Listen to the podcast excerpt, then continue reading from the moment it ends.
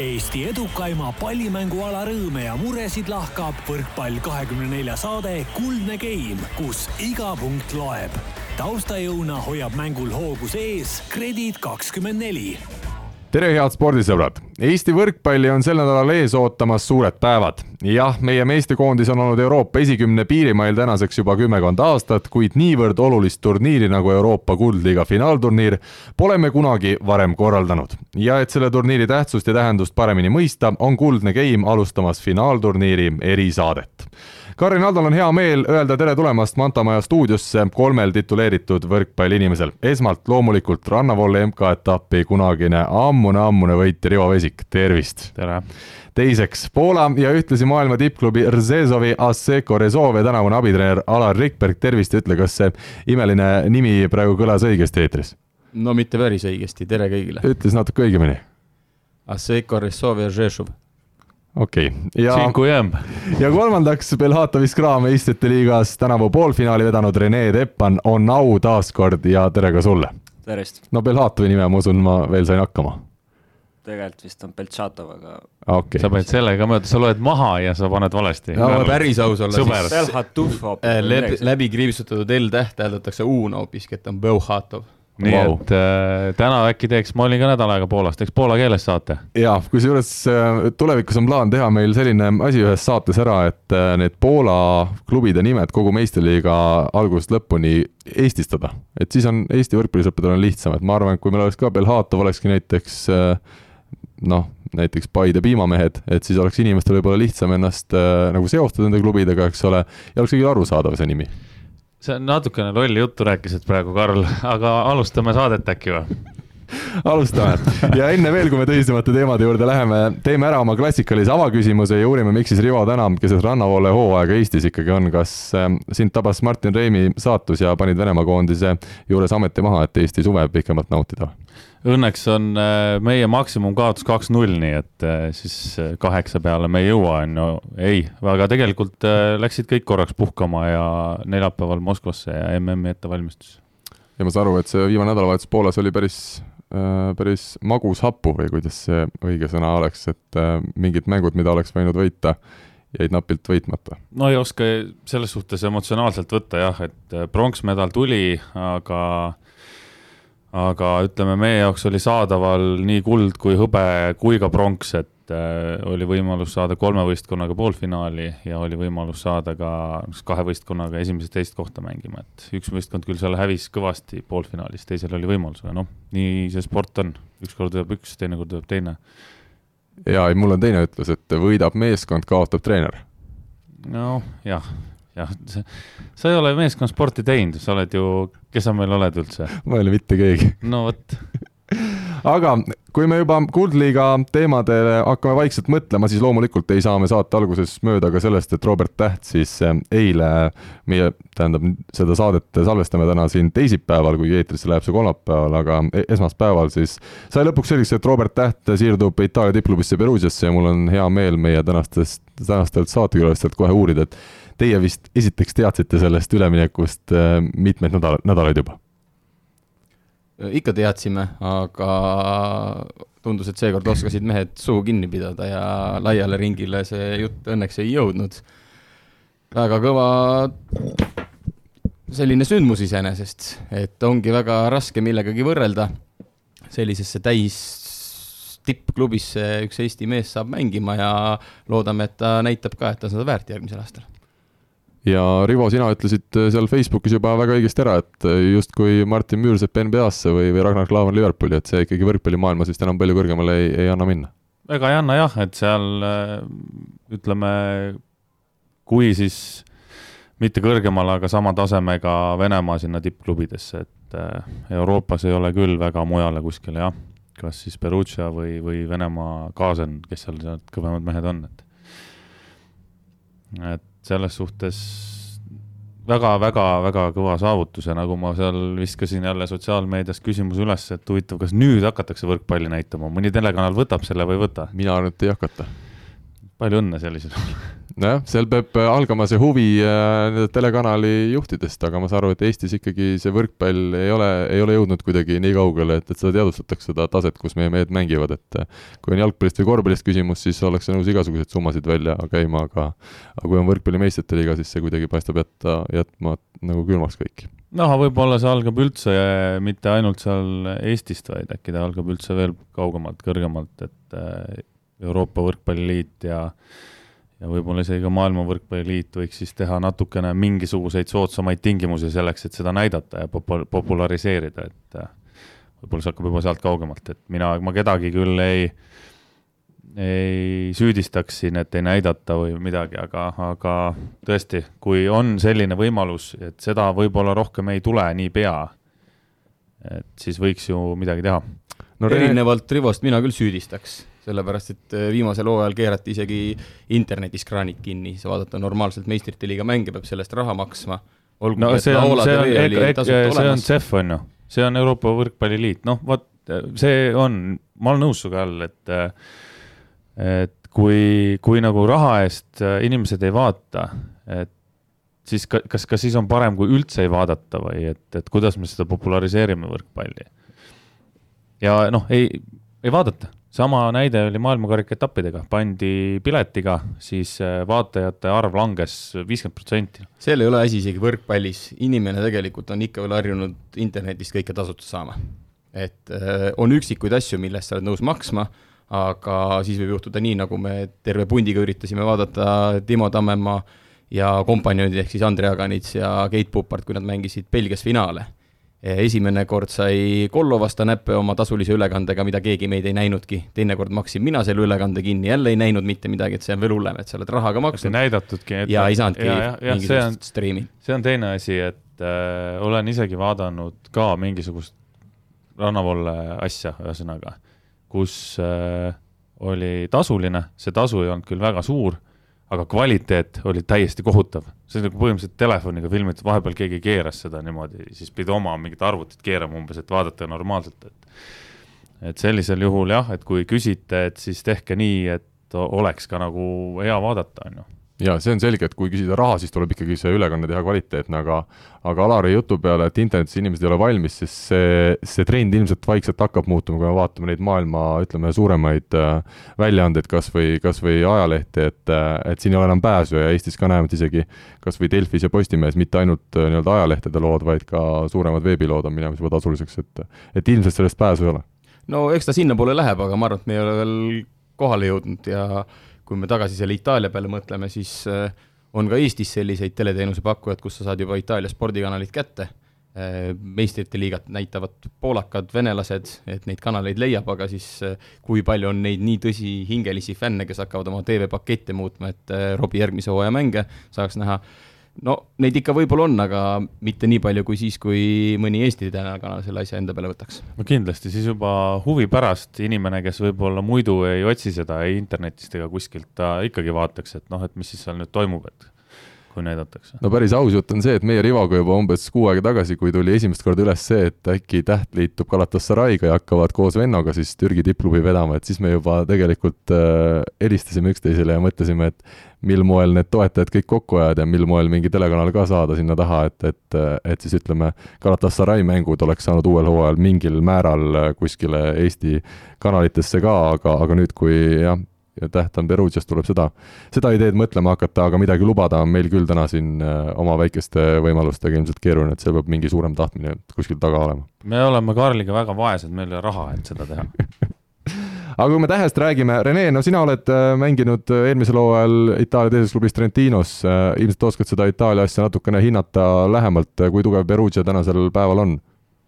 no eks ta ma usun, ta on niisugune maailma tapp äh, suht kolm, ma pakuks välja, et äh, et kui mõelda järgmise hooaja peale, siis noh, Lube on endiselt üsna sama kõva, nad jäid ilma oma põhi, võib-olla ühest põhiründajast Sokolovist, kes läks Gazani seniiti, mis on teine nii-öelda see suurklubi, kuid seniidi puhul mul on omad kahtlused, kuna kuna see hooaeg oli neil niisugune viimaseid aastaid arvestades niisugune nii ja naa, siis äh, siis noh, eks, eks nüüd Sokolov läheb see tähendab seda, et Mihhailov liigub nurgaründaja positsioonile ja noh, kuidas kõik see asi nagu välja hakkab nägema, see on nagu täitsa omaette, omaette ooper, aga, aga jah, ütleme, Perugia kindlasti on, on selline võistkond, kes igal, igal nii-öelda turniiril, kus nad mängivad, nad lähevad kindlasti ainult võidumõtetega, et äh, samamoodi juba ütles ka klubi president, et äh, tegid vea, et see aasta ei osaletud äh, klubide MM-il, kuna Trentino pealt oli näha näide, kus, kus Trento võitis, nad ei olnud võib-olla favoriidid enne turniiri, aga aga turniiri käigus nad läksid paremaks ja paremaks ja lõpuks nad ka võitsid selle, et et järgmine aasta kindlasti nad osalevad ka seal, nii et äh, graafik tuleb, tuleb ülitihe ja ma usun, et see Robile isegi on, on päris hea, et, et äh, mida rohkem mänge, seda rohkem treenerid peavad äh, mõtlema, kuidas, kuidas nii-öelda vangerdada ja nii-öelda värskust hoida, et samas värskusest rääkides, siis äh, meil oli mõlemal Rene sama seis ju, et ega see klubide mm tõmbas nii teie Belhatovi kui ka meie Rešovia üsna tühjaks. ja pärast seda me mõlemad kukkusime päris sügavasse auku ja sellest väljaronimiseks läks ikka omajagu aega teine asi on see selle klubide MM-iga, et ega ma ei ole päris kindel, kas see üldse jätkub, sellepärast et äh, FIVB, üks meie teine armastatud siis maailma võrkpalliorganisatsioon, tegi poolakatega mitmeaastase lepingu, et poolakad said vist, kui mälu ei peta, kolmeks aastaks järjest selle korraldusõiguse, keegi varem teda ei tahtnud väga korraldada, tehti Brasiilias seda mitmel korral, aga nii palju, kui mina tean, siis poolakatel see organisatsioon, see on täiesti eraldiseisev organisatsioon, kes ainult seda võistlust korraldab, see on üsna pankrotti minemas või juba läinud et piletimüük neil ei läinud hästi, poolakate jaoks oli liiga kallis, kulud olid suured, et vähemalt selle hooaja lõpus Poolas olles siis küll veel sahistati, et võib-olla see klubide mm vajubki juba minevikku ja sellist võistlust rohkem ei toimugi.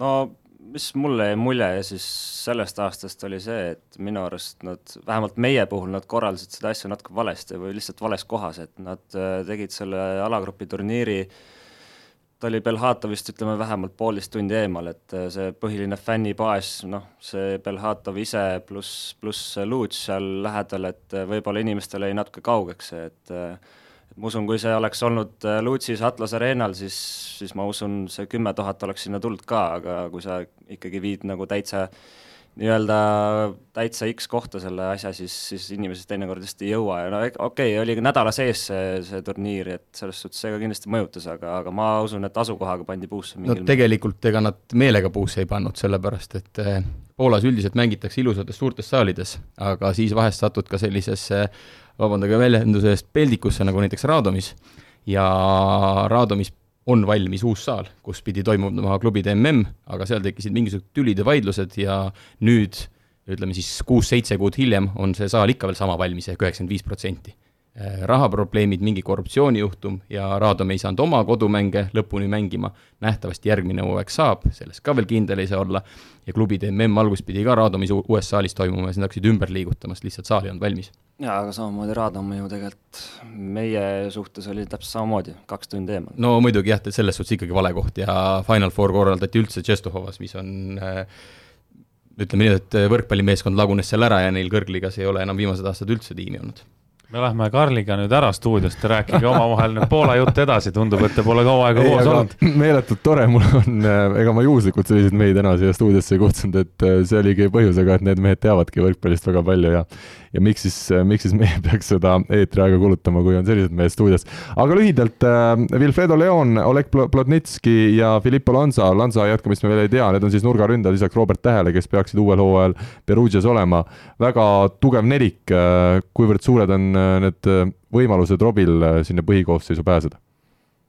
no ütleme, seal on see nagu oluline faktor, kus, kus äh, loodame, et on, on nii, et kõigil on võrdsed võimalused.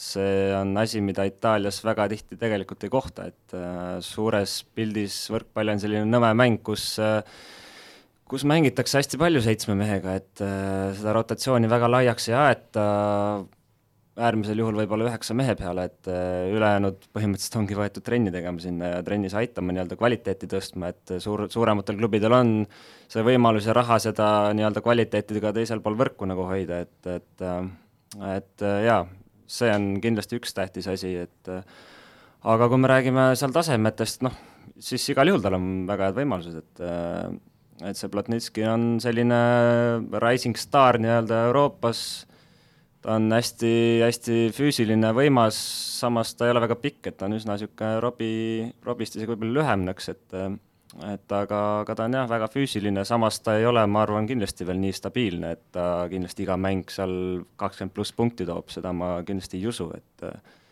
ja mis puudutab Filippo Lansat, siis ma sain aru nii, et et meil on lihtsalt nii hea leping seal all, et tal ei ole põhjust sealt ära minna vabatahtlikult no,. ja noh, noh, Leon, Leon on Leon, Leon on Leon ütleme jah, siis nendele jälle võrkpallisõpradele, kes võib-olla iga kord meie saadet ei ole kuulnud, siis Leoni peetakse maailma üheks paremaks, kui mitte parimaks võrkpalluriks. on see ka reaalne, et tema mingil hetkel on pingi peal või on see mees hooaja esimesest mängust viimasena põhis? mina ei usu, et sellist meest ükski treener julgeks pingi peale võtta sellega me ju rääkisime siis, kui oli see meistrite liiga värk ka siin, et, et seal sidemängijad ja Tšeko mängis jumala valesti kogu selle poolfinaalseeria Kaasani vastu, kui nad mängisid, et et Kaasani seniit näitas väga hästi ära, kuidas tuleb kasutada sellist meest nagu Leon, kui ta seal oli. nii kui game'i lõpupoole läks, läksid kõik tõsted ühele mehele põhimõtteliselt, kõik sinna ja lihtsalt tagus ära. Tšetšeko hakkas seal trikitama, kuskil keskele viskama, diagonaalile. Treener oleks pidanud joonistama paberi peale siukse musta mehe ja noole sinna ja näitama Tšetšeko. jah, aga kõik... on ka selliseid tarku treenereid, kaasani seniidis Alekno teadis ja ju tal see must nool oligi ja,. ilmselt oli jah, et oli noolega, näed, sinna aga meil on siin olemas ju, Krankin lasi. meil on olemas siin mees, kes juhendas tänavu isegi ühe mängu peatreenerina Poola tippklubi äh, Resolve, et Alar, oli siis treenerist küsimus? no minul läks hästi, selles suhtes, et kolm üks võit on käes. mul on praegu rahvusvaheline võiduprotsent päris kõrge ja mehed tegid korraliku mängu, saime oma vajalikud kolm punkti kätte. sellest ei ole vaja rääkida, et see oli liiga viimane võistkond, kelle vastu mängisime seal ei ole vahet, võita võit selge, aga üks väga tähtis asi, millest sõltub ka ju Robbie tulevik äh, uuel hooajal ja see mänguaeg on peatreener, nagu ma aru saan, siis peatreenerit täna veel paigas ei ole, aga mingid jutud kas käivad, et Vital äh, Hainen, äh, Poola koondise maailmameistriks eelmisel aastal tüürinud mees, peaks sinna tulema või Alaril on juba näpp püsti? mul on näpp püsti, et kui mul on selline küsimus, ma tahan teada, kas Hainen läheb või ei lähe või et kas Lansa jääb või ei jää, siis mina küsin selliseid asju Teppani käest. ja mis Teppan ütleb Teppan ei saa jälle kõike välja rääkida. kas sina oled, kas Rene, kas sa oled võrkpalli Vikipeedia äh, mis puudutab Itaaliat ja seda teravamat tippu üldse, siis äh, lihtsalt agentuur, kus ma olen, on selline, kus, kus need enamus mängijad on nii-öelda seotud agentidega, siis, siis sealt ma seda infot saan vahepeal, kui ma küsin, et ega keegi ei valeta ka, öeldakse nii, nagu on ja noh, mis ma oskan öelda, et äh, Perugias vahetub peatreener, see on selge, kes tuleb, siis näete ise varsti, ma arvan, ja aga see Hainen ei pruukinud olla väga vale nimi, jah? Ta ei pruukinud jah, eks, eks selles mõttes ta oli üks kandidaatidest kindlasti, jah. väga ilusti öeldud, ma arvan, et kõik lugesid siin ridade vahelt vastused välja, aga minu jaoks kõige tähtsam küsimus, no loomulikult naljaga pooleks on nüüd see, et kes uuel hooajal siis numbri all üheksa hakkab mängima, on see Leon või on see Täht? Kas... ma ei mäletagi, Rene, äkki sa mäletad, kui Robil ei olnud üheksat, mis tal muud on üldse olnud, sellepärast et ma küll ei taha uskuda, et ta selle Leoni seljast ära võtaks tundub ebatõenäoline, jah. Leoni seljast ilmselt ei võeta seda numbrit ära jah, aga ma, ma jään vastuse võlgu, ma ise ei ole üldse numbrimees, mul väga vahet ei ole, mis mul seljas on, et. ma pakun üheksakümmend üheksa tuleb siin. üheksakümmend üks võiks olla, mul vana Roodmani number oh ikka, lähme jälle korvpalliradadele tagasi, alustame Müürsepaga saadet ja lõpetame Rodmaniga minu arust väga hästi, kui me korvpalli podcast'i kunagi teeme, siis on Rivo seal ka samamoodi olemas, ma arvan. jaa, kindlasti. aga läheme siis nüüd äh, selle tänavuse Euroopa Kuldliiga hooaja juurde, oleme juba küllalt kõigest muust jõudnud rääkida. ütleme, B-alagrupp kaks võitu ja neli punkti oli meie saldo, aga öelge nüüd äh, asjaosaliselt päris ausalt, kas seal oli üldse mingit vahet? Milliste võitude arvu ja punktide arvuga me selle alagrupi turniiri võitsime või, või lõpetasime, arvestades seda, et me olime koha juba finaalturniirile enne taganud? minu isiklik arvamus on, et punktidel ei ole mingit tähtsust, võitudel ei ole mingit tähtsust, aga rahul ei saa kuidagi olla. ehk siis seal olid päris selged eesmärgid, mida me sinna tegema läksime. esimest korda üle väga pika aja sai mängida pingevabalt, tulemus oli see, minu jaoks täitsa natukene isegi üllatav, räägitakse, et meeskond põleb läbi siis, kui on pinged peal, nüüd oli selline olukord, et eh, kas just põles läbi, aga esines kahvatult siis, kui absoluutselt pingeid ei olnud. järelikult sul peab olema ikkagi midagi, mille peale sa mängid, sest et viimased kaks mängu, noh, nii tulemuse kui mängupildi suhtes olid väga hapud, üks helge hetk eh, minu jaoks oli esimene Hollandi mäng, mitte see, et me võitsime Hollandit, vaid see, kellega me Hollandit võitsime et meeskonnaga olid juba liitunud kuus mängijat, sealhulgas Rene, kes siis maikuu puhk-, puhkasid, aga me suutsime Hollandi alistada ka ilma nende kuue, kuuikuta. et see oli see helge hetk, kus näidati, et tegelikult tase on olemas, aga seal oli ka väga palju raskeid momente. kohe alguses Hispaaniaga mängisime esimene päev üsna sellise nii taktikalised, tehnilised kui ka mängupildiliselt väga koleda mängu, järgmine päev sõprusmängus mängisime hoopis teistmoodi, neil ei olnud variantigi. ja tõsiselt ilus, ladus, kõik asjad sujusid, aga noh, sellest mängust oli sõprusmäng, keegi ei teagi mitte midagi, keegi pilti pole näinud, keegi statistikatki vist pole sellest mängust näinud, et selle me nii vaikselt lihtsalt pidasime ära, sest meil oli üks vaba päev seal Hispaanias. aga jah, täna me oleme olukorras, kus see nädal reedel-laupäeval ootab ees Final Four, sinna me saime tänu sellele, et Eesti Võrkpalliliit selle korralduse enda peale võttis ja ega need alagrupi tulemused ju mitte midagi ei määra enam. aga kas äh, võib olla nii, et vaatasin, mina nägin äh, viimast mängu ainult Hispaaniaga, et mulle tundus, et mehed väsinud.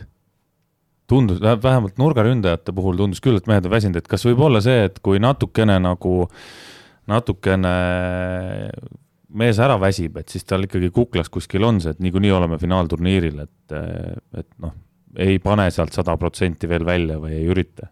no eks ta ikka on, kui Usain Bolt omal ajal saja meetri nii-öelda distantsil kaheksakümne meetri peal juba viieteist meetriga õigesti ees oli, siis ta lasi ka jala sirgulu. ta teadis, et tulemus on käes, vahet pole, kas see aeg on üheksa kuuskümmend või üheksa üheksakümmend ja samamoodi võib ka tegelikult võrkpallis olla, et seal on suur teada... vahe, mina ikka kergejõustiku inimesena segan vahele, üheksa viiskümmend kaheksa, see oligi muidugi super, just üheksa kaheksakümmend, noh neid aegu on jooksnud teisedki mehed.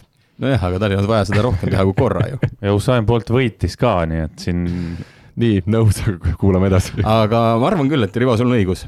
Äh, ja no see ongi täpselt see olukord, et sa justkui mängid, sa justkui treener peab sütitava kõne, mehed lähevad saali, silmis on tuli, tahavad võidelda, paar pallivahetust jooksevad rappa ja siis mõtled, et ah, noh, mis siis lõpuks, et eh, võidame või kaotame, eh, finaalturniiril oleme niikuinii raske on kõikide sisse näha, ma arvan, et see ei ole igal mehel samamoodi, sest et ega viimane mäng ka näitas, Hispaania kolm-null kaotus, oleks esimese geimi lõpus üks pall teistpidi põrganud, oleks teise geimi lõpus see üks viimane vaieldav pall natuke teistpidi põrganud, oleks see kolm-null meile võinud olla. et ta nii katastrofaalne ei olnud, samas muidugi kui me mängime ikkagi oma täiskoosseisuga, üks aasta me ju madistasime hispaanlastega siin kaheksa korda, ühe korra nad võitsid, aga noh, see on andeks anda, et siis Timo Tammem oli diagonaalründaja.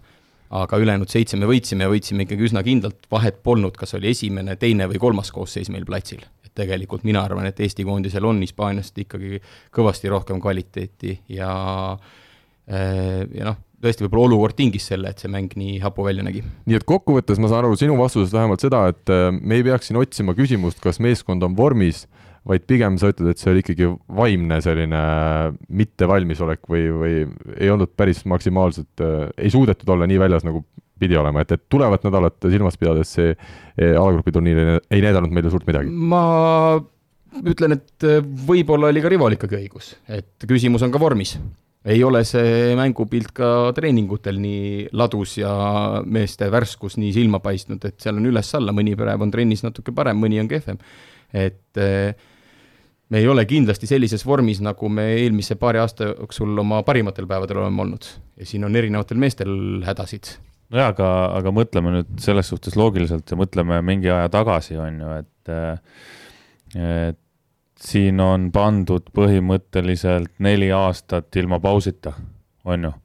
ja need mehed, kes äh, neli aastat tagasi võib-olla olid veel klubides, kas, kes siis mängis Eestis, kes siis kuskil mujal oli sihuke natuke mängis, natuke oli pingi peal. siis täna ikkagi meie põhikoosseis on põhimehed ja nad panevad täishooaja ja nad äh, ongi, tulevad koondisse ja kui sa neli aastat järjest niimoodi kütad, siis üks hetk, üks, üks hetk sa lihtsalt väsid ära, et siin ei olegi midagi teha, sa võid olla nii professionaalne, nii, nii supermängija, kui sa tahad, on ju, aga mingi hetk lihtsalt ei pea keha vastu. seal on üks hullem asi sellest väsimisest, on veel see, et äh, Rene võib ka kohe rääkida, et äh, tervis hakkab lihtsalt järele andma. no ja ma räägin, keha, keha väsib ära, et ja, ja näiteks nagu täna Mart Tiisarel hakkas, tal on seljas ju plaat on ju operatsioon tehtud, hakkas ka nüüd pikapeale selg valutama, et hooajad on kõik järjest jooksnud ja pikaks läinud ja mina muidugi tegin nalja, et ennem sul, sul on plaat lihtsalt rooste läinud, et nüüd, kui sa läksid rannavõrkpalli mängima, siis vihmad ja värgid saalis ei läinud rooste. aga täpselt samamoodi, et, et kogu see protsess läheb nii pikaks. et üks hetk lihtsalt hakkab järgi andma kuskilt. no aga võtame mehed ükshaaval läbi, meil on Rene siin kohal, kuidas sinu õlg tänasel päeval on, ütleme siis täna salvestuse ajal teisipäeval, kolm päeva enne Türgi poolfinaali? Jah, tahaks öelda, et on ainult õlg, tegelikult on ka selge, et täiskompott ja ütleme, eile oli esimene niisugune vähe positiivsem nagu tagasiside pallplatsilt, et ütleme, ei olnud ideaalne kindlasti, aga, aga ikkagi selline parim selle suve jooksul, ma arvan, et et siin mõned päevad on aega, putitame igapäevaselt, anname endast parima ja siis noh, eks, eks kui on vaja sõtta minna reedel, siis tuleb minna, maksku mis maksab, et ega me siis äh, nalja tegema ei lähe, ise ju korraldame, ise ju kodupublikus oleme, ega siis keegi selles mõttes on, mis on see, see, mis sees on, see tuleb välja lasta ja ma arvan, et kellelgi otsest probleemi sellega ei ole, et noh, selge on see, et kõigil on mingid vead küljes, aga, aga noh, lihtsalt äh, ega, ega me ei ole allahindade tüübid, ma arvan. aga kas see on, kas seda on vaja, on minu küsimus. kas seda on reaalselt vaja, mida see Euroopa Kuldliiga võit annab? Kas seda on vaja, mina paneks, mina paneks nagu selles suhtes äh, põhilaksu ikkagi EM-ile. no põhilaks on niikuinii EM-il, aga no jaa, meil on, meil on sisuliselt miks... ühte võitu vaja, meil on Türgi üle võitu vaja. ei, ma saan aru, aga kui selle Türgi üle võiduga lähevad kaks meest niimoodi katki, et nad ei mängi. jah. ei no ja kui midagi juhtub, et nad ei mängi EM-il ja siis ei ole sellest ülemineku maailmaliiga kuskile saamisest, sellel pointi lihtsalt. seal lihtsalt ei ole pointi no ma ei tea, kas on, on see nii äh,, nii kriitiline see seis? no tegelikult äh, see on valikute küsimus, aga alaliit koos treeneritega, koos meeskonnaga tegi ära valiku, et me korraldame Final Fouri.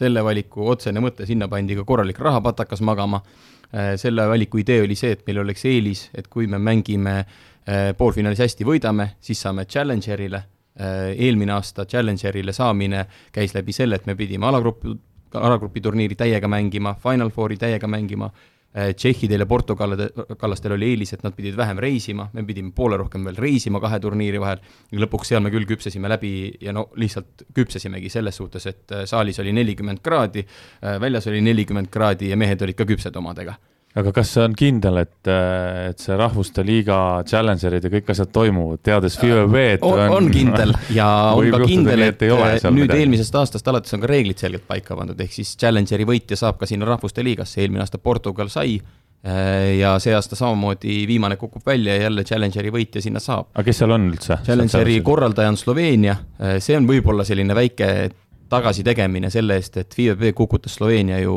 mhm. maailmaliiga selle teise grupi võidu järel Rahvuste Liigast välja ja nüüd Sloveenia korraldab ja korraldusõigus saadi lihtsalt sellepärast, et tegemist on Sloveeniaga, nad ei mänginud kuldliigat, nad ei mänginud hõbeliigat, nad lihtsalt hüppasid järgmisele tasemele ja senikaua võtavad see väikest. see on FIVB, see tavaline. siis äh, kaks järgnevat riiki ongi siis Euroliiga finalistid mm, -hmm. Sellest nelikust, kes meil sel nädalal Tallinnas mängivad Äh, vist on paigas see, et Põhja-Ameerikas tuleb jälle Kuuba, nii nagu oli eelmine aasta. aga see Kuuba on nüüd teistsugune Kuuba vist? Ei ole väga teistsugune, sellepärast et kui sa võrdled seda Kuubat, kelle vastu meie mängisime, ja seda Kuubat, kes MM-il mängis, siis seal oli vist üks või kaks meest juures ainult. aga see jutt, et need ja. tahavad seal tagasi, ega see ei ole ka kindel, et nad lähevad. ja ma ei ole päris kindel, et nad Challengeriks lähevad. ja, jah, et see on, need on natuke teised eesmärgid. igatahes see uudis oli, et nad ikkagi nüüd hakkavad mängima. uudis oli, aga nii palju, kui ma olen kuulnud, ma küsisin seda Poolas Kuuba treeneri, rannavoole treeneri käest kusjuures, kuidas seal on, on ju, siis ta ütles, et, et see on puhtalt niisugune jutu baasil jutt, noh ja taustainfoks siis jälle kõigile, kes igapäevaselt võrkpalli ei jälgi, et Kuuba, need nii-öelda ära karanud Euroopasse mängima läinud aastate eest tippmängijad, et neid ei ole siin koondises olnud ju pikki aastaid.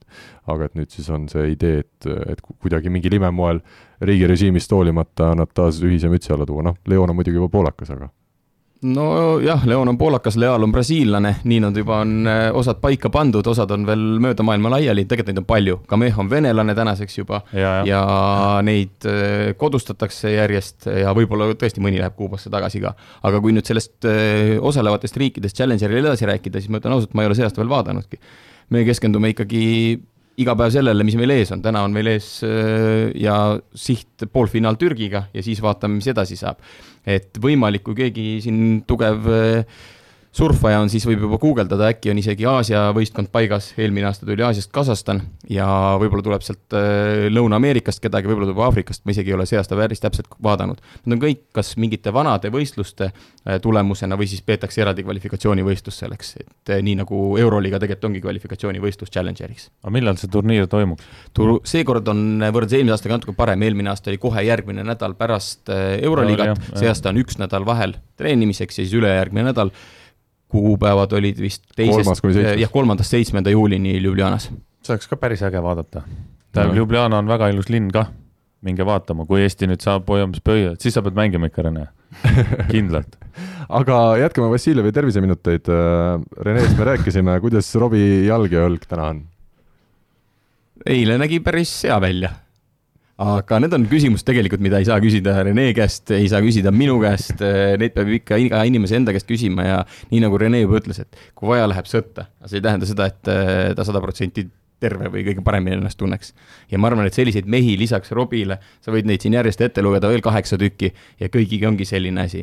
mu enda venna, ma arvan, et äh, ei ole küsimustki, ta mängib niikuinii need mängud ära, mis siis, et pärast mänge ta ei mängi, vaid lonkab saalist minema ja. see on tal ammu juba, ta on harjunud. no viimased kümme aastat julgelt jah aga üks mees ikkagi, kelle kohta peab küsima, Ardo Kreek, mina täpselt ei teagi, mis temaga siis enne seda viimast alagrupi mängu juhtus, midagi seljaga vist trennis või? oli sealt seljaga, oli kõhulihasega mingisugune jama, eh, ma arvan, et sellest me oleme küll üle. Teie olete üle, aga kas Ardo ka üle? ma arvan, et Ardo on ka üle, et eh, eks meil medpersonal näeb, teeb ka vaeva, annab oma parima ja teades Ardot, ta on tugev, motiveeritud poiss ja Lasnamäelt pärit, Lasnamäelt pärit muide. no täpselt. Ja aga üks küsimus, mida veel tahaksin uurida koondise mängijate kohta, loomulikult koondise seesolijatel võib-olla seda ei ole nii kerge täna hinnata ja avalikult rääkida siin, aga Aavo Keel ka intervjuus Võrkpalli kahekümne neljale eile ütles, et äh, Oliver Venno ei ole kaugeltki selles vormis, mis ta oli hooaja keskel Galatasaray's, kuidas nüüd nii-öelda asjatundjad ala seest siin äh, mõlemad tõstavad käed püsti, aga ja ma võin öelda küll, noh, seda näeb igaüks, et ta ei ole sellises vormis, nagu ta, äh, ta oli Türgi liigas ja siis, kui ta selle liiga puhtaks peksis põhimõtteliselt juhuüksi. aga noh, samas eelmise nädala teisest poolest alates mina arvan, et iga päevaga küll terake paremaks on asi läinud ja teades Oliveri, siis äh, ta on piisavalt Äh, palju aastaid koondises olnud. mäletan, et kui mina Aavo juurde tööle läksin, siis statistikat koondisse tegema, siis Tartu mehi meil seal ei olnudki, siis me Oliveriga koos autoga sõitsime Tartu-Pärnu või Tartu-Tallinna vahet, keegi ju laagrit Tartusse kunagi ei toonud. Ja sai räägitud äh, rohkem kui kümme või kakskümmend tundi kõikidest asjadest Oliver võtab ennast alati kokku siis, kui on tähtsad mängud, tähtsad võistlused tulemas. mis tähendab seda, et Euroliiga Final Four on piisavalt tähtis ja ma usun, et ta annab küll kõik praegu, mis selles kehas sees on. aga see on ka normaalne, et ta praegu selline on, ma arvan, sest kui ta ongi, ta sai nii palju koormust seal koondises ja, ja peale puhkust, et sa ei saa lihtsalt nii kiiresti vormi tagasi jah, meil ei ole päris kaheksateistaastaseid mehi, nendega on võib-olla tõesti nii, et kuu aega puhkavad, tulevad esimene päev, panevad täiega laksu trennis, aga meil natuke läheb aega, et mehed jälle töökorda saada. Olk on suur poiss kah, tal lähebki vähe aeglasemaks. ma küsin vahele ühe küsimuse, mis mind huvitab, mis võib pärast ära ununeda, kuna meil on üle Rivo Pärnust ja Rivo Rannalt äh, siin, siis palju koondislastel on äh, lubatud juulikuus teha sporti ja näiteks rannavõrkpalli mängida? Äh, iga aasta on olnud niimoodi, et need on erikokkulepped.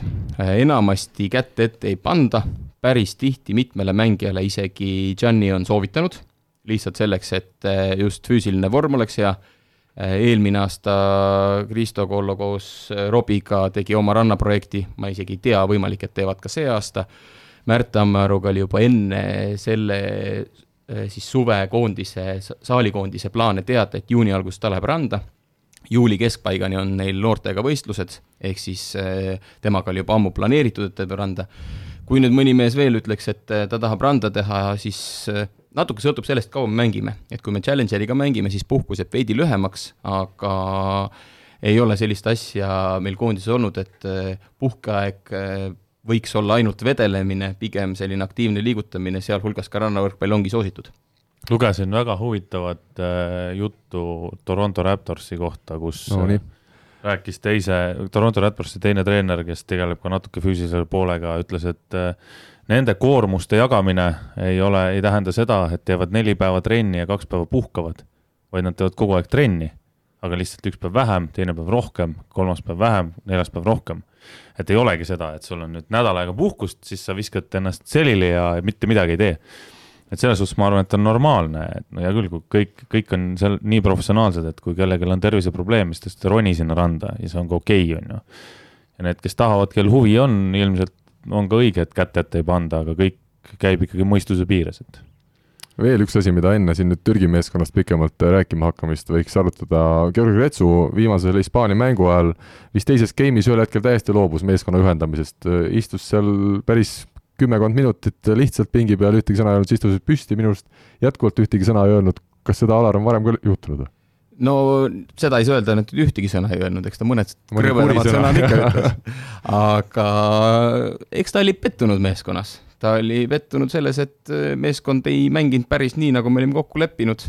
mõned asjad lihtsalt ei tulnud välja, mõned asjad ununesid ära ja ma arvan, et see oli selline hea impulss, et sellist asja on küll varem ka varasematel aastatel olnud, et kui meeskond on hädas, üks võimalus on, et treener aitab meeskonna hädast välja teine võimalus on see, et sul ongi kasvatuslik plaan, kas meeskond ise ka sellest hädast välja tuleb. tihtipeale, mis on ju Janiga olnud, et äh, mängija, kes on kehv, ta ei võta teda välja. ta laseb tal endal võidelda ja kui siis mängija lõpuks sellest august ise välja kuidagi suudab ronida, siis ta saabki paremaks mängijaks. Ja mina loodan, et äh, kui sa võistkonna vahepeal niimoodi jätad ka, et nad ise peavad august välja ronima, siis võistkond kasvabki selle tulemusena natuke tugevamaks on sul ka, Rene, sellist näidet enda, enda puhul äh, olnud, kus ei ole mäng kõige paremini alguses õnnestunud, aga siis lõpuks oled, oled seal pikka aega välja roninud? jah, ütleme nooremas eas pigem kui tuli auk, siis auk jäigi, et äh, see, see tuli ka kogemuste ja aastatega loomulikult, et äh, et kui esimesed pallid ei jää maha, siis ei ole maailma lõpp, et võrkpall teinekord on selline mäng, kus lihtsalt äh, võib-olla isegi teed hea sooritusega, vastane teeb lihtsalt veel parema ja kas ploki või kaitsega, mis iganes, et, et äh, ei saa kõike hinge võtta ja vahepeal lihtsalt äh, asi, asi, mida ma mit, mitte väga hiljuti, aga hiljuti ikkagi õppisin, on ka see, et lihtsalt vahest äh, tuleb vastasele au anda, et et selline see võrkpallimäng on, aga, aga jah, eks see aastatega loomulikult, see on kogemus puhas, et, et et et kui ei, ei toimi üks element, siis üritad äh, kompenseerida teiste elementidega ja olla lihtsalt äh, võistkonnale kas või mingil, mingil määral nagu kasulik, et kuni sa, kuni sa suudad olla, siis ma arvan ka treener võib sind mängus, mängus ka hoida, et okei okay,, kui diagonaal ei skoori, siis, siis on keeruline, aga aga põhimõtteliselt see idee on selline, et, et see on võistkonnamäng ja sa pead olema võistkonnale kasulik aga nüüd siis Türgi koondis, kellega me reedel kell üheksateist null null Saku Suurhallis teises poolfinaalis vastamisi läheme. ütleme tänu Robert Tähele ja Oliver Vennole on Türgi koondis saanud Eesti võrkpallisõprade jaoks päris äh, hästi tuttavaks juba tänavusel hooajal. on seal siis Adis Lagumdzia näol äh, tegu ühe tõelise sellise Euroopa ja maailma ilmselt tuleviku tippmehega, kaheksakümmend aastat vanust diagonaalründaja ja Izmiri Arkases siis Robert Tähe meeskonnakaaslane lõppenud hooajal oli. kas see on ühe mehe meeskond täna Türgi koondis või on seal samaväärseid mängijaid veel kõrval ka? no me alustasime natuke ka tagasi neid Türgi videoid, videote vaatamisega ja täna hommikul istusime siis treeneritega, panime esimesed taktikalised plaanid paika. selge on see, et see Lagumdse on põhimees, aga on seal kvaliteeti mujalgi. Ja tõesti, nagu sa ütlesid, kõik nad on Türgi liigas, kõik nad on siis ütleme, viies-kuues Türgi tippklubis päris paljud neist äh, igast ühest vist üks-kaks nendest põhimängijatest, et nad koos nagu väga ei mänginud.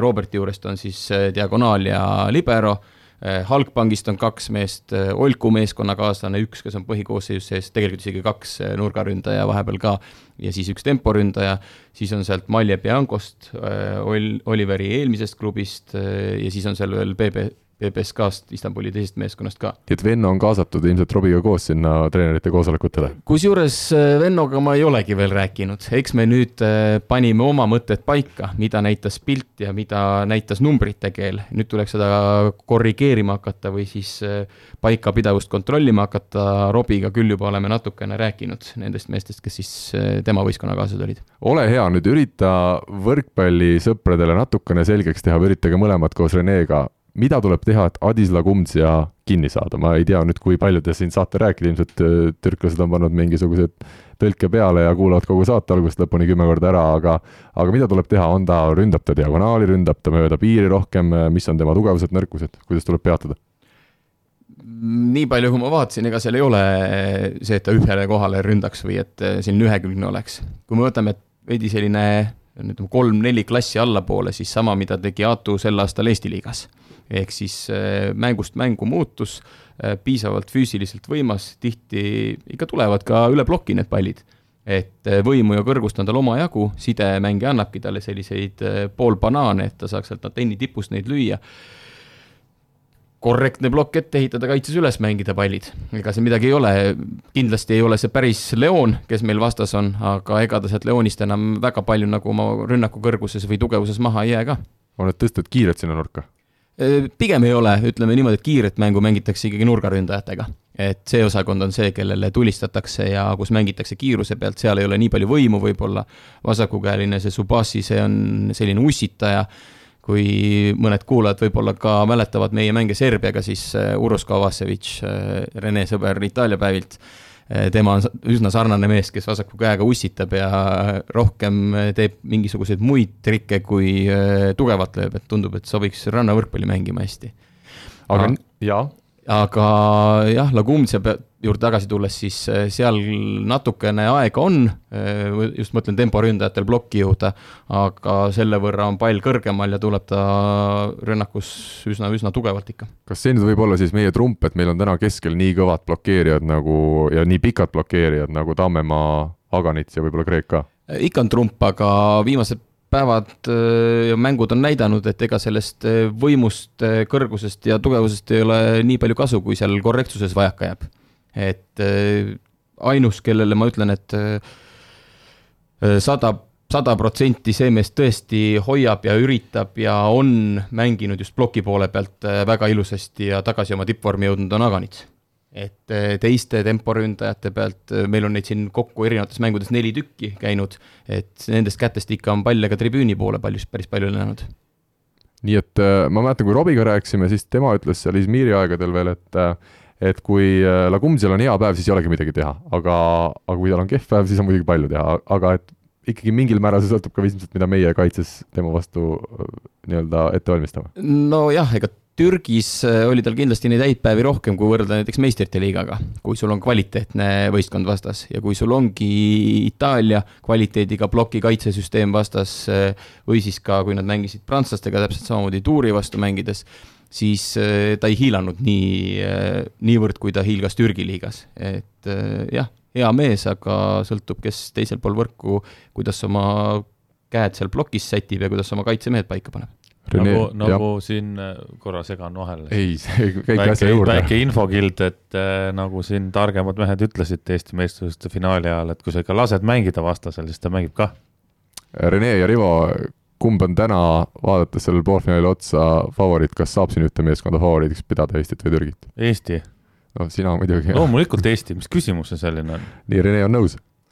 tahaks olla, aga olles realist, siis äh, üks meeskond äh, on väga hästi mänginud alagrupi turniiri, neil on hea, hea hoog sees, nad on sõiduvees, et et teine tuli üle kivide ja kändude ja noh, nagu me kõik teame, siis ta kvalifitseerus, meie kvalifitseerusime, sellepärast me korraldame seda, et, et okei okay,, ma arvan, et see pilt oleks teistsugune olnud võib-olla, kui, kui me oleks pidanud ka nii-öelda läbi äh, läbi punktide sinna edenema, aga, aga jah, ma ütleks, ma arvan, viiskümmend, viiskümmend, ma arvan, et see on väga põnev kõigile, et äh, nii pealtvaatajatele kui, kui meile endile ka, et, et äh, saab väga põnev olema, aga ma ühe, ühe täpsustuse veel Alarile teeks, et äh, lepime kokku, et Urošeid on maailmas ainult üks, et niisugust venda ei ole olemas mujal et...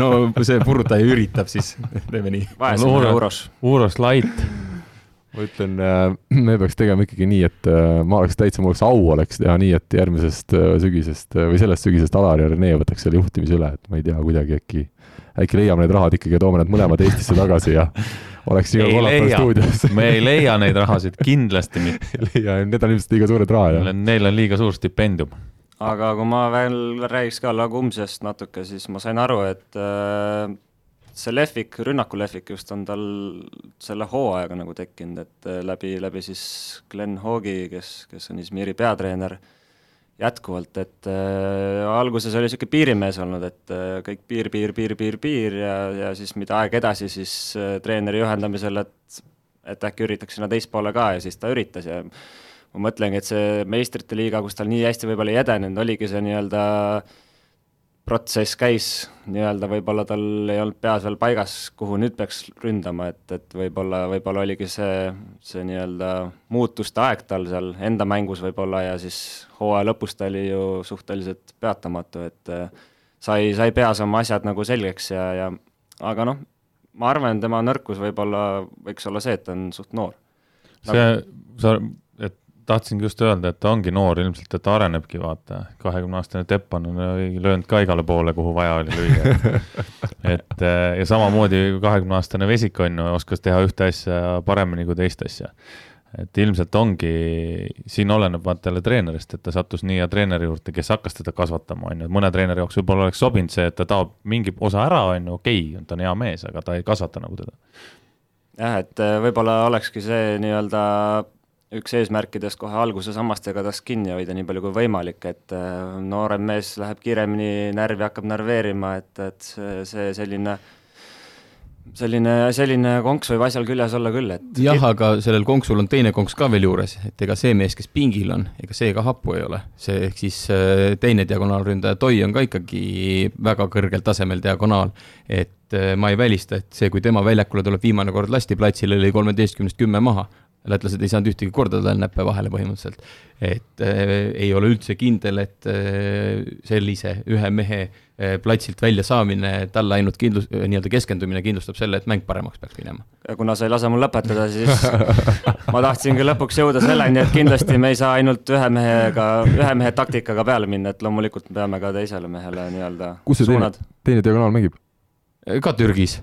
viimane ta... aeg oligi Istanbuli ta oli seal IBB-s jah ja, kus, kus oli ainult äh, türklaste sats ja nüüd ta liigub siis Algbanki, kui ma ei eksi aga Läti oli siis selles samas A-alagrupis, kus Türgi võttis kuus võitu, maksimaalselt kaheksateist punkti, oli Läti teine ja Läti koondise peatreener siis teatavasti meie Aavo Keel. kas olete nõus selle väitega, et äh, Aavo ja Läti koondise debüüthooaeg Euroopa kuldliigas oli kokkuvõttes äh, isegi natukene üle ootuste edukas?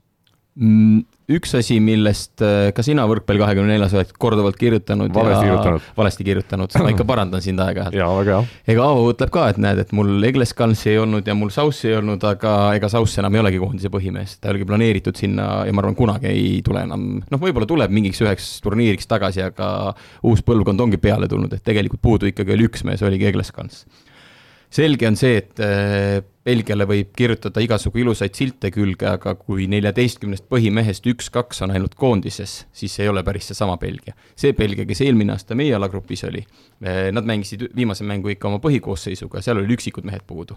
Äh, nüüd sellest koosseisust on üks ainult alles, siis Igor Robelni põhimõtteliselt ja üks tempomees, Arno Van de Velde ka.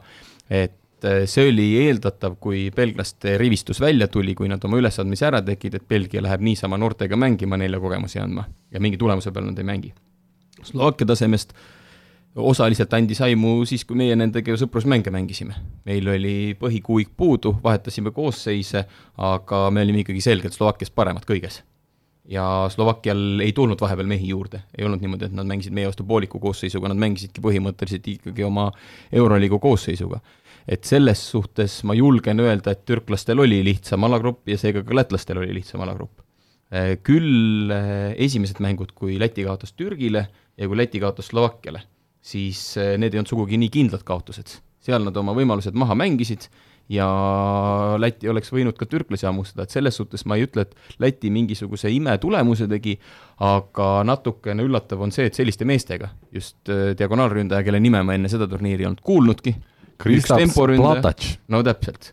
Äh, Platač või Plataks äh, ja üks temporündaja oli ka minu jaoks selline, keda ma ei olnud kuulnudki, et ega ma nii palju neid äh, Limbaži ja teisi Läti võistkondi viimastel aastatel jälginud ei ole, et nüüd kõiki neid teaks. Eesti koondises oli ka üks temporündaja oli vähemalt kirjas seal, keda mina ka ei teadnud, polnud näinudki. Alex Saaremaa. Alex Saaremaa, jah no aga Saaremaa on täna Eesti võrkpallis nii, äh, nii juba kõva, nii klubi tasandil kui näeme siis ka lihtsalt nime tasandil, et ei saanud ju jätta nii, et koondises oli ühtegi Saaremaad. ühtegi Saaremaad, okei. Okay.. no nagu nendel rahvaturniiridel, et sponsor tuleb ka ikka sisse võtta. Õige, õige. aga ilmselt Läti koondise edu näitas ka natukene seda, kui tähtis on ikkagi sidemängija roll, Deniss Petrovs ütles ka siis Aavo Keel, et, et sellise sidemängijaga mängimine annab ühele meeskonnale väga palju juurde ja, ja Petrov siis peaks vist praegu olema Venemaa kõrgliiga üks üks põhisidesid. kas ta ei olnud, kas ta Valgevenes ei mänginud või? ei, ei, Valgevenest oli päris ammu, ta on ikkagi juba nüüd aastaid olnud no, Dinamo Lokomotiivis. ongi, kõik ta asjad on veel ammuses ajas. Dinamo Loo ehk siis Sankt-Peterburi teine võistkond seniidi järel. ja seal on ta olnud nad aastaid. Mängi meist, nad ei mängi seda superliigat. ikka mängivad superliigat Mängivad. ja Peeti on kogu aeg olnud side ja ta on Toma. üsna väärtustatud, viimased kolm aastat kindlasti on ta seal olnud. aga ta on hea ka selles suhtes, ta on ju on isegi siis, kui ta noorena siin Selveris äh, Dimaga, Basitskiga koos mängisid, siis jah, aga samas ei saa öelda, et alati mängiks, sellepärast et kui meil enne siin oli arutlus äh, Robbie ja Rene rääkis ka, et täiesti normaalne on, et seitse meest mängivadki terve hooaja ära, siis see on täitsa normaalne Itaalia võrkpallis ja paljude riikide võrkpallis veel, aga Venemaa võrkpall natuke teistmoodi, et meie hooaeg Venemaal ka et see meie... kõla, kõlas nagu Tuuli Roosma praegu meie hooaeg Venemaa no nii ta oligi, ma arvan, et sellest oleks filmi küll vändata, seal oli piisavalt palju materjali. ma tean, millest sa räägid jälle aga, aga ütleme niimoodi, et kohalikke etteheiteid olid ka sellised, et et Gianni mängujuhtimisstiil on liiga Itaalia-pärane, see keskendub seitsmele-kaheksale mängijale ja klubi president küsis, aga miks mul neliteist siis palgal on. et kõik ju peaks, peaksid mängima, mängida saama. ja sealt tekkisid tegelikult konfliktid ja ma saan täitsa õigustatult aru, et Venemaal ongi natuke teistsugune, kui raha saad, pead näitama ka sellest midagi jah, aga samas on see ka õige selles suhtes, selles suhtes on nagu õige, et kui sulle makstakse suurt palka, siis see klubi presidendi küsimus on nagu õige. no kokku on tähtis tulemus, aga tulemus on ainuke asi, mis lõpuks loeb ju. nojah no., mul viimane aasta Rešovias oli sama teema, neliteist võrdset meest, kõik peavad mängida saama. eelnev treener oli selline ja ta on jätkuvalt selline, kes teebki hokivahetusi, kuus sisse ja kuus uut äh, asemele, kuus välja, kuus sisse. aga Rene ütles väga õigesti, et äh, tippvõrkpallis on ikkagi võtmemängijad neid on tavaliselt seitse-kaheksa ja siis on need, kes aitavad treeningprotsessis, aitavad vajadusel mingisugustes hädaolukordades. sellist asja, et äh, ma neliteist tippu kokku ostaks, enamasti pole seda raha ja tegelikult äh, mulle tundub, et see ei tööta ka, sellepärast et näha on, et siis tuleb päris kõva konkurents selle peale, et kumb meist nüüd väljakule saab, miks temal on õigus, palganumbrid on mõlemal võrdsed, et tegelikult vähemalt võrkpallis on küll läinud maailma täielik tipp selle peale, et mul on põhikoosseis ja mul on siis abimehed no Saaremaa on jälle ju tõestas Eestigi näitel minu arust tänavuse hooaja teises pooles ära, et kui sul on liiga palju võrdseid mehi, et siis kokkuvõttes see keemia võib hakata äh, täiesti ära kaduma. nojah, noh, jah, nii ja naa. ma praegu, kusjuures ma praegu mõtlesin, et kas sa, kas sa räägid Saaremaa võistkonnast või Alex Saaremaast, et mis kuidagi nagu ei lähe kokku asjad, aga jah, kui sa Saaremaa võistkonnast räägid, siis jah, et äh, tõesti, seal võib-olla noh, mida me hooaja jooksul juba ütlesime ka, et seal ei olnudki seda ühte liidrit, kes olekski nagu liider, et seal käiski siin sisse-välja, Pööm sisse, Põlluaar välja. ma rääkisin sellest Möll. ka Urmas Talliga ja ma ütlesingi, et tegelikult äh, mul on olnud järjest, Belgorodis oli natuke nii Äh, Rešoves oli täpselt nii, et oli liiga palju ühe taseme mängijaid. Ja siis ma Urmasele ütlesin ka, et mina arvan, et äh, hooaeg läks nässu sellepärast, et sul oli ka natuke nii praegu. kaksteist kuni neliteist võrdset meest, ise hakkad ka mõtlema, kumba ma nüüd panen. ja sul ei tekigi tuumikut ja, ja. ja teistel võistkondadel, kui sa võtad Pärnu, kes meistritiitli võitis, ega sealt pingilt ei olnudki väga kedagi võtta, aga need mehed, kes olid väljakul, need kestsid ära, need tõid tiitli koju, ülejäänud aitasid, tegid koos trenni. Vajadusel sekkusid vahetusest mingisugused üksikud rollid, kes käis seal servimas, kes käib plokki tugevdamas ja nii see maailma tipp on ka tegelikult täitsa läinud. mina teen nüüd ühe ennustuse siia vahele. Kristaps äh, Plataks või Platatš, kuidas siis igal juhul õige on, et on Pärnu võistkond järgmine aasta ma mõtlesin ka seda. üheksateist, kahekümne aastane diagonaal, Läti koondise põhimees, ma arvan, seal jah, seda ma mõtlesin ise ka juba eile õhtul just, mil ma seda uudist täna hommikul lugesin, siis oli esimene mõte oli, et äh, näeme Pärnus seda meest nii et küll neid intervjuusid jõuab selle mehega ka veel teha ja rääkida sellest Euroopa liiga hooajast, aga kui me räägime teisest poolfinaalist, äh, Holland-Valgevene. Holland on meile väga hästi tuttav äh, varasematest aastatest, sellest hooajast mängisime nendega samas alagrupis, mängisime ühe mängu kodus siis väga ilusti, võitsime kolm-kaks, teise võõrsil kaotasime null-kolm. aga öelge mulle nüüd Valgevene, millisel tasemel meeskond see tänasel päeval Kuldliiga finaalturniiri eel on? mina vaatasin need Valgevene mängud äh, läbi suuremalt jaolt, mis nad mängisid alagrupis ja tulemus on selline, et türklased eh, mulle tunduvad ikkagi paremini organiseeritud, tehnilisemad, kiiremad, eh, loogilisema võrkpalliga. võimu Valgevenel on, samas see mäng nii hästi alati ei sujunud, neil tuli ikka päris korralikke mõõnasid sealt sisse. aga neil on eh, kaks meest Venemaal aastaid nüüd mänginud, temporündaja Puusel ja diagonaal Miskevitš, Miskevitš, kui Rene täpsustab, vist oli vahepeal ka Itaalias. sel aastal Ufa Venemaa. jah, ja need on nagu sellised kaks põhijõudu ja siis äh, Ardo Kreegi kunagine meeskonnakaaslane, üks vasakukäeline nurgaründaja Kuklinski, kes nüüd käis, käis seal kuskil Aasia kandis seiklemas Hiina. Hiinas. et äh, need on nagu põhijõud, aga äh, noh, korralikud mehed, võimu on, samas lisaks nendele nimetatule kolmele ülejäänud on ka ikkagi, ikkagi kõik vist Valgevene liiga, Valgevene liiga mehed et seal väga selliseid Valgevenest välja või kuhugi mujale korralike klubisse saanud mehi ei ole nii et kui Holland ei saa finaali, siis see on üllatus? minu jaoks on see kindlasti üllatus, kui Holland finaali ei saa et.... no ilmselt on Valgevene on... täna sellest nelikust ka kõige nõrgema tasemega aga, võistkond. aga samas ma küsin seda, et mängisid Ukrainaga al samas alagrupis, Ukrainas seesama Plotnitski, kellest me oleme juba rääkinud uuel hooajal Perugias koos Tähega, et kui nad Ukraina-sugust meeskonda suudavad võita, ja alagrupis edestada, siis järelikult nad on, kas nad on siis selle koosseisu kohta ülihästi mänginud või? aga see Plotnitski ei ole ka mingisugune imemees selles suhtes, ta on nii ebastabiilne, nii palju kui mina teda näinud olen, siis ta ikka viskab siukseid auke sisse, et ta ei pruugi mängida sul noor poiss ka, ma ei usu, et ta suudab üksinda vedada võistkonda. no seal on tegelikult mehi veel, et teine nurgaründaja, kes põhikoormust kandis, on siis Jan Jerešenko, sama mees, kes meil Belgorodis oli. et äh, samamoodi ta ei ole küll saanud sellistesse säravatesse klubidesse või säravatesse liigadesse, ta oli Venemaal, siis ta käis korra Türgis, siis ta tuli tagasi Venemaale, aga mina ütlen, et sellel Jerešenkol on ka ikkagi kvaliteeti väga kõvasti. ja palju, kes seal side on? no side on üks küsimus ja ega neil päris kõiki mehi koos ei ole. Ukrainal on seal natuke veel varu, kõiki mehi nad Euroliigaks äh, punti ei saanud. no aga kui, kui vaadata üldse, kes võiks mängida tegelikult Ukraina eest, kes mängivad täna Venemaal, on ju, Bakun ja seal on neid Musserski, Dima Bašitski, neid mehi on palju, kes Ukrainast on Venemaale kolinud. et kui äh, see Ukraina tundub olevat selline natukene Euroopa Kuuba, et äh, ongi nii. on, et kui sinna panna ikka see kogu punt kokku, siis see oleks Euroopa meistrivõistlustel arvest-, väga arvestatav võistkond minu jaoks oli, tegelikult see oligi üllatus, et seda alagruppi ei võitnud Ukraina. mina panin enne nii-öelda mõttes oma raha siis Ukraina peale, samas teistpidi oli kohe näha, et see on üsna selline tihe alagrupp. üllatus oli see, et Soome oli nii nõrk ja täiesti selgelt viimaseks jäi, aga ülejäänud nii Tšehhi kui Valgevene kui Ukraina on üsna sarnases mastis oma taseme poolest ja tegelikult ju oli seal äh, viimase neljas game kakskümmend viis, kakskümmend kolm, äh, mille alusel see Eh, see Valgevene üldse napilt sai finaalturniirile. Ehm, Saku Suurhall on tänaseks valmis võrkpallureid võõrustama, mitu treeningut teie olete seal teisipäeva õhtupooliku seisuga teinud? ühe tegimegi eile ja mis tunded on? Tead, ennem kui ma sinna isiklikult saali astusin, oli jutt pigem see, et väga kuidagi ebamugav ja nii ja naa ja aga kui ma nüüd ausalt ütlen, siis minu jaoks oli esimesest äh, pallivahetusest peale väga mõnus ja niisugune hubane mõnus koht mängimiseks, ma isegi eelistaks kõvasti seda ennem kui, kui Tondirabat näiteks. juba puhtalt seetõttu kas või, et äh, publik on kõvasti lähemal, kui on Tondirabas. seal on üks selline asi äh, veel lisaks, et mäletan kunagi ammustel aegadel kas Rivo, sina olid ka veel Pärnus, kui Pärnu hakkas eh, meistrite liiga mänge mängima Saku Suurhallis? me mängisime, ei me, mina siis enam ei olnud, aga me mängisime ühe mängu, me mängisime Trentino vastu äkki mingit CEF Cupi mängu Saku Suurhallis no vot, siis, siis oli, mina veel oli, oma selle töö peale polnud jõudnud. kes see mingi Itaalia võistkond oli seal? ükskord käis Noikom Cuneo mängimas. jah, Cuneoga, täpselt, Cuneoga mängisimegi, jaa. ja siis, kui oli meistrite liiga ka, siis oli selline olukord, et tuled Rabahallist ja tuled Saku Suurhalli.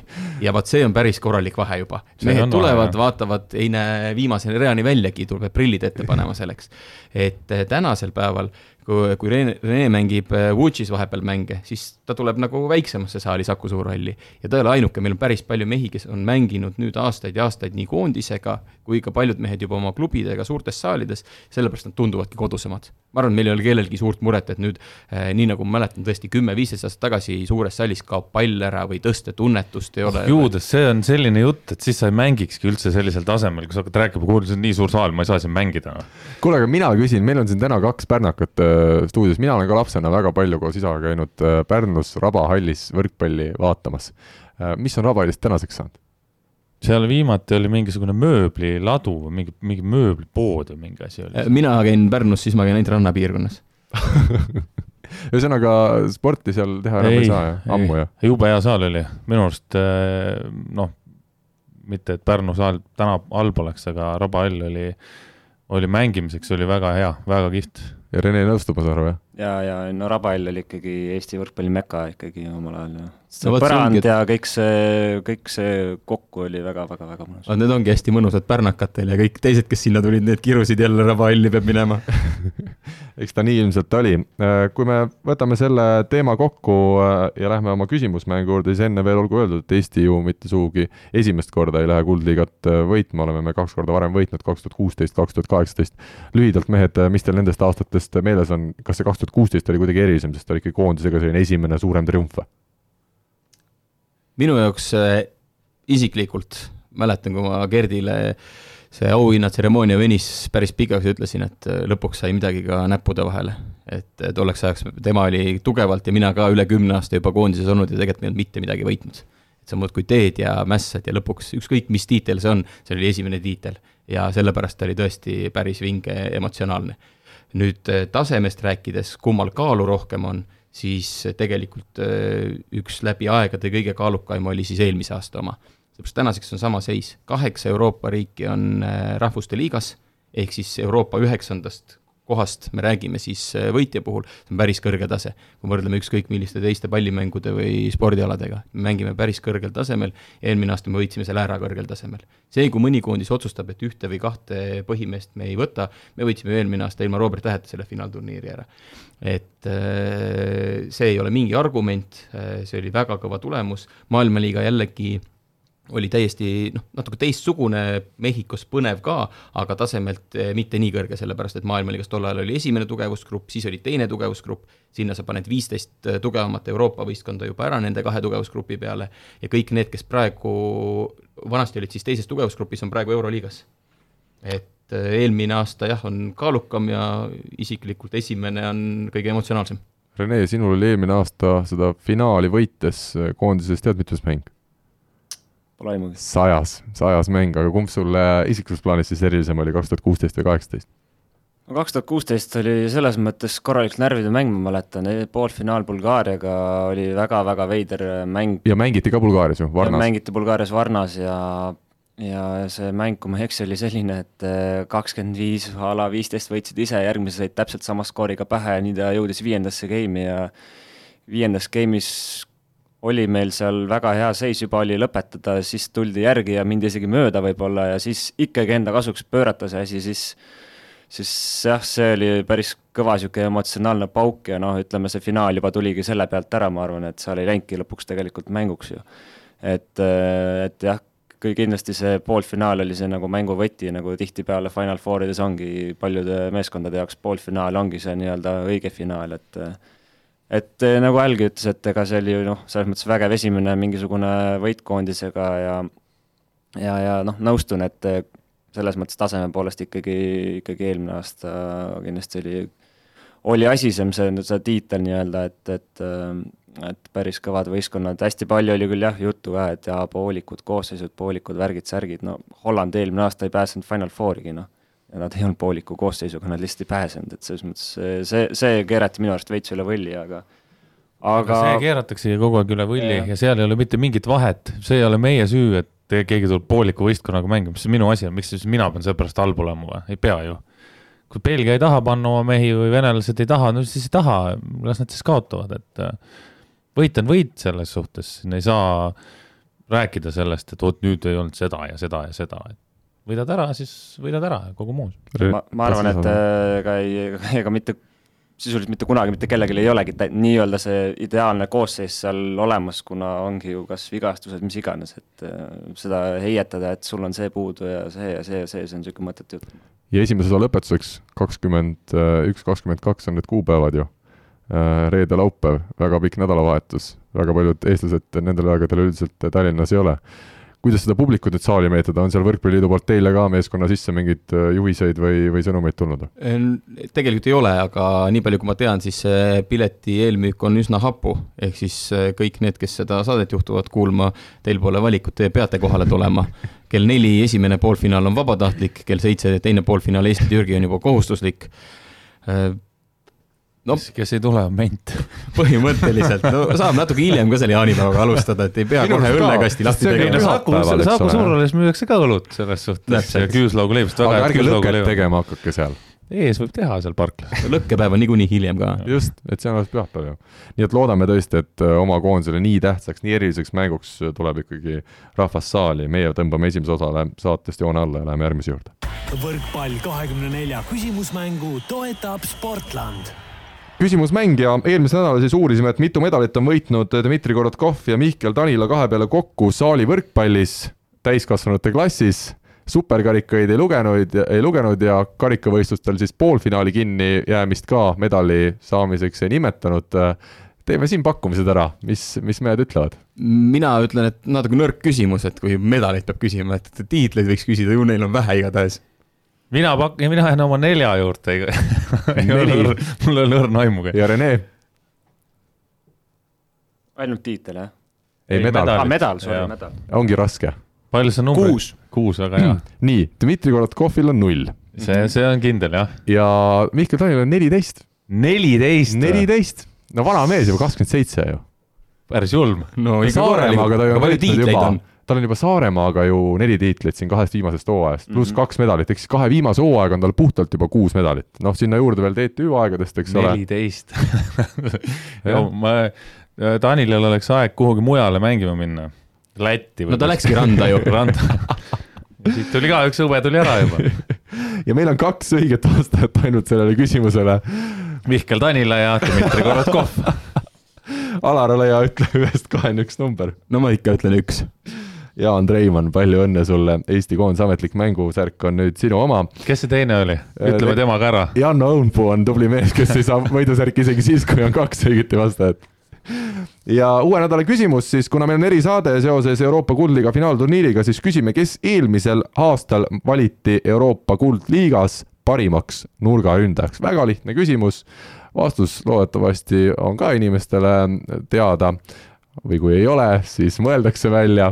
vastuseid saab saata aadressile info, et võrkpall kakskümmend neli punkt ee või Facebooki lehele võrkpall kakskümmend neli punkt ee sinna sõnumitesse.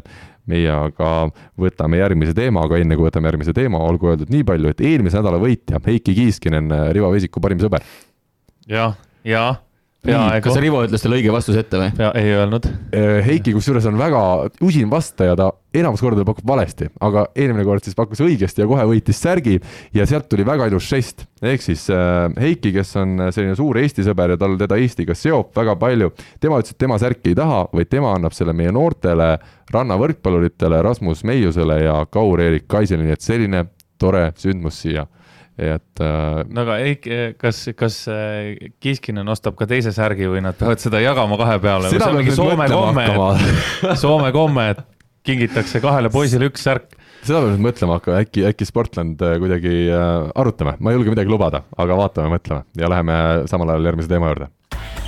Pahv lööb pahviks ehk nädala tegija nädala tegijad siis taas kord Facebookis otsisime ja kolmas koht äh, võrkpalligrupis seal hääletusel Eesti naistekoondis kolmeteistkümne häälega ja kas vist isegi Kiiskinen oli jälle see, kes selle variandi välja pakkus, nii et jälle pakkus valesti.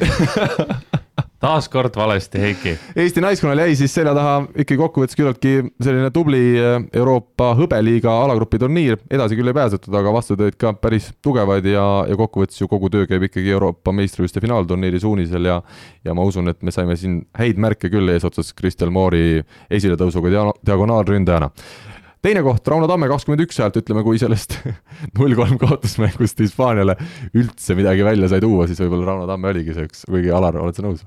ikka jah, Tamme on äh, väga tublisti tulnud, enamasti vahetusest sekkunud ja kahe ässaga viis ka päris põnevaks selle esimese game'i, aga lõpuks ikka suutsime ära soperdada.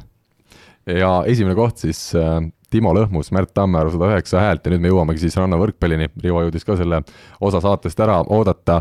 Eesti meistrivõistluste või Eesti karikavõistluste teine etapp Tartus nädalavahetusel toimus ja oli tõesti äärmiselt huvitav finaal, võitsid meie noored kaheksateistaastased Timo Lõhmus ja Märt Tammearu siis äh, kaks-null finaalis Dmitri Korotkov ja Mihkel Tanilat ja minu arust mõlemad paarid mängisid väga hästi, aga muidugi see, kui hästi mängivad Märt Tammearu ja Timo Lõhmus, see on see on, seda on tore vaadata ja kas Rait või Alar, vabandust, Rait on meil täna stuudios ei ole. Alar, kas sina nägid ka seda Märti ja Timot mängimas? jah, ma käisin eelkõige siis teisel päeval, esimesel päeval korra Raekoja platsist läbi, aga teisel päeval vaatasin päris mitmeid mänge, sealhulgas äh, kõiki viimaseid. ja finaali mängisid hästi, füüsiliselt tunduvad nad heas vormis, tundub, et saalist tulnud üsna hiljuti ja siis natuke ainult randa teinud Märt ja veidi pikemalt nüüd rannas olnud siis Timo on enne oma noorte, olulisi noortevõistlusi päris heasse hoogu saanud, et koha peal publiku hulgas rääkides keegi ütles, et ega nad noori enne finaali favoriitideks ei pea. pigem arvasid, et küll Danila Korotkov võtavad oma ära aga mine sa tea, võib-olla suutsid pingevabalt mängida, võib-olla suutsid äh, treener Karl-Jaani juhiseid täita, mitte küll sajaprotsendiliselt, nagu kõrval istunud Karl mulle pidevalt hädaldas, aga mängisid ilusasti. võimu neil on, sellised klassikalised noored äh, eriti palju ei mõtle, sellist pehmet klõbinat selles mängus just palju ei näinud ja kui näinud, kui näha isegi oli, siis ei olnud mõtet teha. et mängisid võimu pealt, Tartu annab selle eelise et Pärnu rannas päris nii ei saa mängida, liiv on natuke pehmem, Tartusse Raekoja platsi üks asi on liiv on veidi kõvem ja teine asi, mis on Tartusse iga aasta on jama saada sinna õige võrgu kõrgus. võrk on tiba madalam ka, mis tähendab, et Tartus on eelis võimsatel mängijatel. Ja noored oma võimuga selle ära võtsid. ei saa öelda, et lihtne oleks olnud, eriti teine game, see oli ikka päris nugade peal, mõlemad pooled oskasid eh, oma edu maha mängida ja lõpuks siis äh, viimastel punktidel seal kriitilistel hetkedel Märdi plokid natukene aitasid siis noori ja sellega nad selle tiitli enda, enda kätte said, samas enne turniiri mina küll ei oleks julgenud nendele panustada. Muidugi, kui me räägime siin finalistidest, siis äh, kõige suurem au ikkagi vanameistritele Kaarel Kais ja Argo Ara. see oli vägev, jah. see oli vägev, esimene päev panid neli mängu ja teine päev panid mõlemad kaks-üks mängud otsa ja lõpuks võtsid veel pronksi ka ära, et see on täitsa müstika. oled sa kuulnud, on neil elumärke siin kuulda olnud veel nädala alguses? pärast seda pronksi mängu ma enam ei leidnud neid üles aga finaalist veel ja sellest äh, Märdist ja Timost rääkides, minu arust hästi huvitav oli ka see, et äh, kõik servid ju enamjaolt ikkagi läksid Timo peale aga sa vaatad, kuidas Timo ründab, ta ei ole küll sugugi pikk mängija, nüüd ütleme tippvõrkpalli mõistes, aga ta ründas väga kõrgelt ja väga võimsalt ja minu arust ka Märt tõstis talle alt väga hästi neid palle ette, et äh, aga samas, ega ma ei tea, oleks Märdi peale servitud, ega Märt lööb samamoodi need pallid maha. noh, mina, ma ütleksin nii, et äh, natukene, ega siis ju Mihkel Tanila on ka väga vähe rannas mänginud ja äh, Dima samuti, et ega nad keegi ei ole väga pikalt, et võib-olla isegi, võib-olla isegi noortel on väike eelis, et nad on ikkagi siin viimased kaks-kolm aastat teinud süsteemset tööd, et neil võib-olla see mäng on isegi rohkem selge. aga vaadates seda mängu, siis äh, kõikidele, kes nüüd kuulavad, siis kui servida Timo peale, siis servida talle keskele, et vasakukäeline ründaja, tal lihtsalt mingi hetk ei pruugi jääda väljakut, kuhu lüüa et kui temaga nagu korralikult mängida ja, ja samamoodi, mis minule sirma jäi kogu sellest turniirist, serv on väga nõrk nii iga, kõigil võistkonnadel, mitte mingit halba kriitikat, aga just, et selle nimel tasuks tööd teha. Äh, tegelikult jah, Serviga oligi see, et vahepeal Lõhmuse planeeriv, kui ta lõi siis Korotkovi peale, töötas, et vastuvõtt jäi sinna kuue-seitsme meetri peale alttõste puhul, sest et noh, hea on näha, ma olen aastaid äh, mõelnud selle peale, kuidas Eesti kohtunikud ja see rannavõrkpallisüsteem sööb tegelikult. ülevalt tõstmine on sisuliselt keelatud, äh, nii kui näpud taeva poole tõstad, käib juba vile, enne kui sa palli puudutad. see, ja, ja see, jaa, aga see oli ennem isegi mitte see, et mängijad ei osanud, vaid kohtunikud ei täpselt, kohtunikud ei osanud vilistada, nüüd äh, natukene isegi selliseid musti puuteid lastakse läbi, aga ma arvan, et Eesti tasemel parem on. ehk siis, kui serv on nõrk, vastuvõtt on käes, ülevalt tõstetakse ilusti, tehniliselt päris ilusad puhtad liigutused, vähemalt tipppaaridel, ja äh, kui Korotkovi saadi natuke serviga eemale, siis Tallinnal tegelikult äh, paar asja ta seal paugutas ja tal oli päris mitu, eriti esimeses game'is ei leidnud kuidagi, kümme sentimeetrit külje pealt välja, kümme sentimeetrit pikaks, et hüppelt serv oli tal päris korralik, aga ta Tartus lihtsalt ei leidnud väljakut kuidagi. aga üld, üldiselt on hea meel, et noored võitsid, et äh, vaatame selle selle saalist randa tuleku puhul on äh, üks ohtlik asi on see, mis, mis natukene pelgan, on see, et algul esimene nädal-kaks on hurraa ja väga hea, siis tuleb langus et siis tuleb korraks, läheb nagu alla, et, et neil ei satuks, neil muidugi ei pruugi tulla, et ma räägin puhtalt oma kogemustest ja nii palju, kui ma olen näinud mingeid asju. et samamoodi nagu äh, rannast saali minna, sest algul on hullult hea, on ju, ja siis kahe nädalaga läheb nagu auku ära, et ja siis hakkab jälle vaikselt üles tulema, et et loodame, et neil sinna noorteturniiri nüüd see, see langus ei jää, et EM-finaalturniir siis rannavõrkpallis U kakskümmend aluseklassile nädala aja pärast on algamas ja nemad osalevad ka seal kas nädal või kaks hiljem juba ka U kakskümmend kaks vanuserassi EM-il, aga noh, see oli ka U kakskümmend EM on nende jaoks see suur võimalus, kus siis midagi võiks ja tuleks juba ka saavutada, ma arvan, et see tase on selline, et seal medal peab olema igal juhul eesmärgiks. noored tulid praegu viiendaks või seitsmendaks EM-il, Meius ja Kais. ja sellest võikski lühidalt saate lõppu rääkida, Rasmus Meius ja Kaur-Erik Kais siis Euroopa meistrivõistlustel jah, seitsmes koht ja Mari-Le Lass ja Eva-Liisa Kuivanen äh, jäid pidama kaheksandikfinaali, aga noh, ikkagi kokkuvõttes ju koht esikümnes mõlema jaoks, et kaks Eesti paari seal äh, U kaheksateist EM-il osalesid. Ja mida see nüüd siis Rivo meile näitab, et, et seis pole sugugi nii äh, nutune või on lihtsalt eestlased nii andekad, et tulevad saalist randa ja, ja kohe on esikümnes noh, seis, äh, mina arvan jälle seda, et kui võtta needsamad tüübid ja tehagi nendega süsteemset tööd, et siis see tulemus oleks kindlasti parem. ja kui me saaks nendega pikemalt tööd teha, siis, siis noh, olekski nii, sest ikkagi maailm täna liigub sinnapoole, et need, kelle vastu nad mängivad, need on enamus ajast ikka rannas, et et äh, tüdrukutel üldse see, kes võitis, Potšarova, et see mängib juba maailmakarika etappe ja, ja on seal põhiturniiril, et äh, noh, kõvad tegijad, on ju aga ei, väga ei ole nagu selles suhtes ei ole ka midagi halba, et, et võistkond olemas, võistkond mängivad äh, heal päeval või paremate tingimuste kokkulangemisel oleks võinud seal medalimängudele ka poisid minna, tüdrukute tasemest mõni väga ei tea, aga aga ma arvan, et äh, ma arvan, et Märdil ja Timol on, on U kahekümnel täna väga hea võimalus, et et vaatame, mis sealt tuleb, hoian pöidlaid. Ja praegu siin äh, vaatan kella ja, ja internetti kogu aeg, et kohe-kohe peaks tulema ka Mardi Kusti otsus välja. eile lugesime Venemaa koondise statistikuga punktid kokku, kes sinna EM-ile peale saavad, kolmkümmend kaks võistkonda saab, täna peaks Mart Kusti olema kahekümne seitsmendad, nii et peaks EM-il peal olema. aga ametlikku otsust veel ei ole, nii et šampat ei saa lahti teha veel ja teeme siis natuke reklaami ka veel saate lõpus, äh, sellest Tartu karikaetapist rannavõrkpallis näeb siis neljapäeva õhtul Kanal kaheteistkümnes ka kokkuvõtet ja seal siis niisama nii nende Lõhmuse Tammearu mõtteid kui ka näiteks Kais ja Arak ähm, huvitavat peaks seal suhteliselt palju olema, meie aga täname kõiki kuulajaid, aitäh Rene Teppanile, aitäh Alar Rikbergile ja Rivo Vesikule, loomulikult äh, jääme siis kõiki võrkpallisõpru ootama juba reede õhtul kell üheksateist null null Saku Suurel Eesti-Türgi suur-suur poolfinaal Euroopa kuldliigas on aset leidmas, aitäh kuulamast ja ilusat nädala jätku! minge Saku Suurhalli, väljas on nii vastikult palav, seal on konditsioneerid, värgid sees, minge vaadake normaalset võrkpalli vahepeal aitäh! aitäh! Eesti kõige põnevamad podcastid on Delfis, kuula tasku.delfi.ee